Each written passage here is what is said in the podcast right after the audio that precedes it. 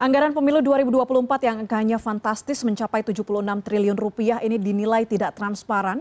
Hal itu pun kemudian menimbulkan spekulasi jadi ladang korupsi. KPU dan Bawaslu diminta menyampaikan secara terbuka penggunaan anggaran pemilu lewat situs resmi KPU yang bisa diakses masyarakat.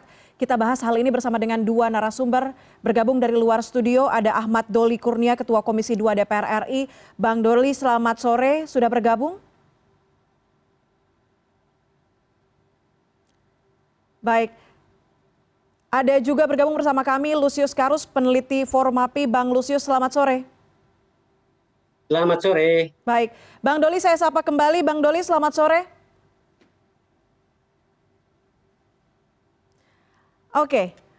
Uh, sambil menunggu Bang Doli, kita ke Bang Lusius terlebih dahulu. Bang Lusius, kalau melihat uh, ramai sekali suara-suara mengenai adanya dugaan uh, tidak transparan dari anggaran pemilu 76 triliun ini. Anda melihatnya seperti apa?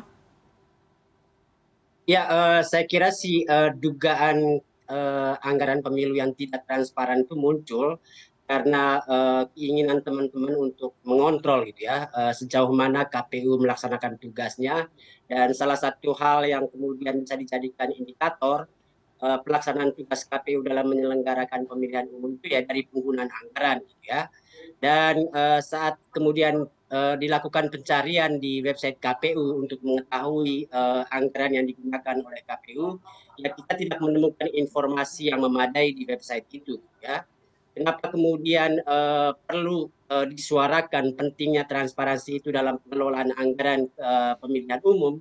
Karena kita tahu sendiri anggaran 76 miliar itu tentu anggaran yang sangat fantastis gitu ya. Kalau kemudian dikelola secara tertutup, selalu ada potensi anggaran itu bisa disalahgunakan. Gitu ya. Apalagi kita mendengar sekarang ada begitu banyak kasus korupsi yang dilakukan oleh pejabat negara gitu ya.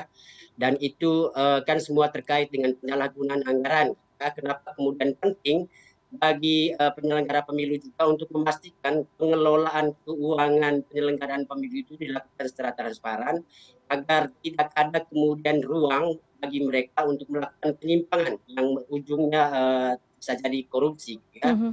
Jadi saya kira ini kontrol dasar yang dilakukan oleh masyarakat sipil untuk memastikan uh, penyelenggaraan pemilu itu berlangsung uh, sukses gitu ya dengan kemudian uh, tercapainya tahapan-tahapan yang diselenggarakan oleh penyelenggaraan penyelenggara pemilu untuk pemilu 2024 itu.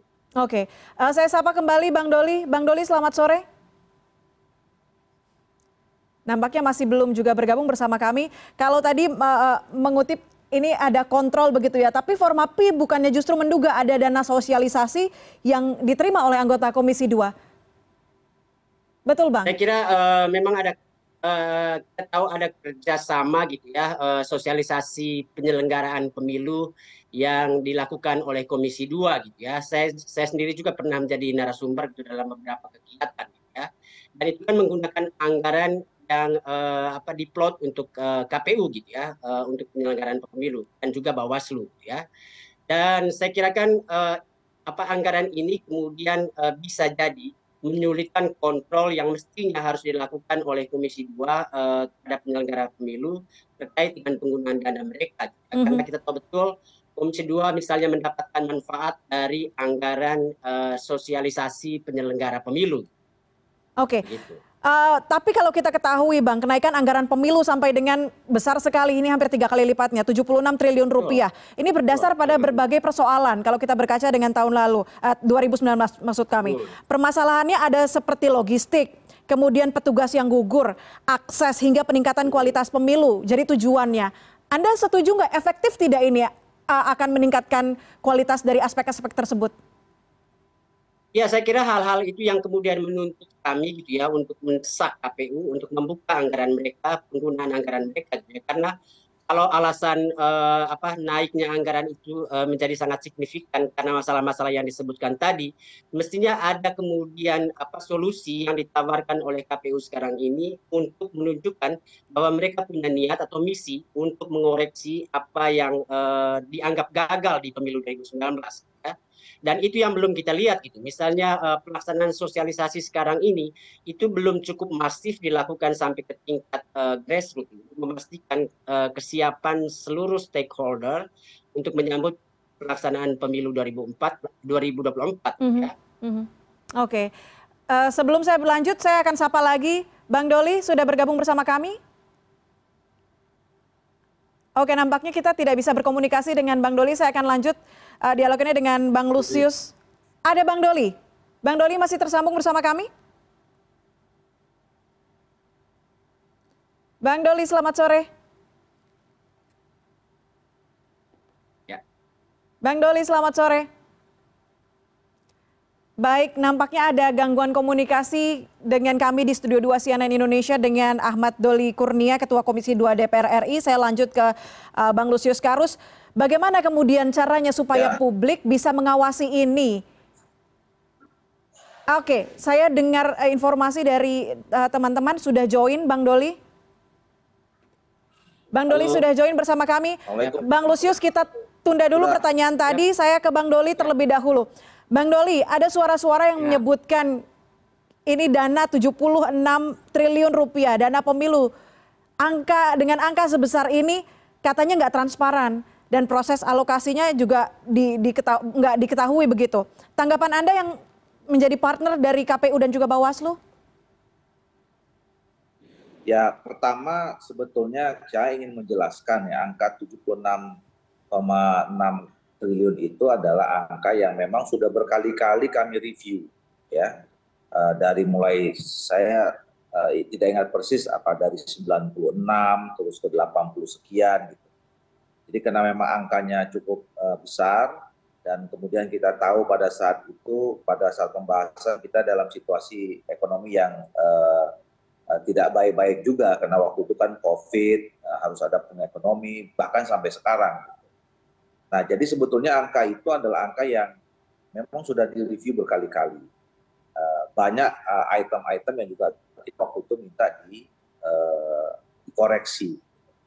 Nah, yang kedua adalah memang uh, penambahannya terlihat signifikan kalau dibandingkan dengan pemilu-pemilu sebelumnya. Mm-hmm. Nah, itu angka itu termasuk uh, yang paling besar adalah untuk pembiayaan honor Eh, tenaga penyelenggara sampai di tingkat eh, eh, KPPS ya. Karena waktu itu kami mendorong memang adanya penambahan honor. Karena selama ini ya kami menilai sangat tidak manusiawi. Jadi selama pemilu reformasi ini tidak pernah ada peningkatan honorarium dari penyelenggara pemilu. Ya kasihan tingkat di tingkat paling bawah itu cuma 400 ribu. Jadi jauh dari uh, apa namanya uh, apa hmm, istilahnya itu eh, tenaga kerja lupa saya istilahnya. Jadi hmm. jauh dari angka eh, yang selayaknya mereka terima gitu ya. Nah, oleh karena itu kita waktu itu memang adanya peningkatan. Nah, yang berikutnya adalah angka itu juga sudah termasuk adanya fasilitas pendukung, ya. kantor, terus kemudian uh, gudang, dan seterusnya. Yang sampai saat ini itu dalam prakteknya eh, proses pencairan per, penganggaran dan pencairan per tahunnya itu belum direalisasikan oleh pemerintah. Jadi masih juga banyak eh, kantor-kantor eh, oleh eh, KPU itu masih nyewa, mm -hmm. juga masih pinjam dan segala macam. Jadi itu angka ideal untuk kita mensukseskan pemilu tahun 2024 yang memang belum terrealisasi semua, mm-hmm. gitu. Ya, itu uh, teman-teman KPU dan Bawaslu itu setiap uh, mengajukan penganggaran kembali kepada pemerintah, terutama kepada Kementerian Keuangan, uh, juga ada proses negosiasi, ada juga proses koreksi yang dilakukan oleh uh, pemerintah dalam hal di keuangan. Jadi angka itu sebenarnya bukan bukan angka yang kemudian karena orang bilang dengan 76,6 tiba-tiba semua di 76,6 itu udah ada di uh, di KPU enggak mm -hmm, gitu ya okay. itu selalu dikontrol oleh pemerintah nah jadi itu satu hal ya jadi saya kira selama ini kami DPR pemerintah itu berupaya supaya bagaimana kita mensukseskan uh, pemilu itu juga dengan uh, seefisien mungkin mm-hmm. uh, dana anggaran yang dikeluarkan oleh pemerintah. Nah, hal yang kedua adalah kita semua tentu setuju bahwa berapapun jumlahnya ya, mau 76 atau kemudian tiap uh, tahun dipotong atau satu rupiah pun memang harus di, uh, dilaksanakan secara transparan. Harus ada pertanggungjawaban pertanggungjawaban publik yang uh, jelas gitu dan saya kira kita semua punya kepentingan untuk itu. Jadi kalau misalnya ada masyarakat yang menyampaikan bahwa eh, diharapkan adanya transparansi dan segala macam, kami di DPR sangat mendukung untuk itu. Dan kami juga selalu minta kepada KPU dan Bawaslu untuk menggunakan anggaran itu eh, sebaik-baiknya, ya, tidak ada satu rupiah pun yang tidak boleh, tidak bisa bisa dipertanggungjawabkan.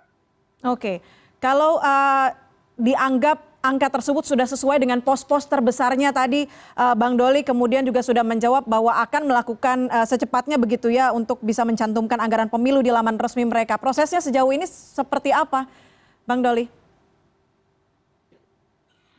Saya teknisnya tidak tahu ya, uh, kan itu sangat teknis. Mm -hmm. ya. Mm -hmm.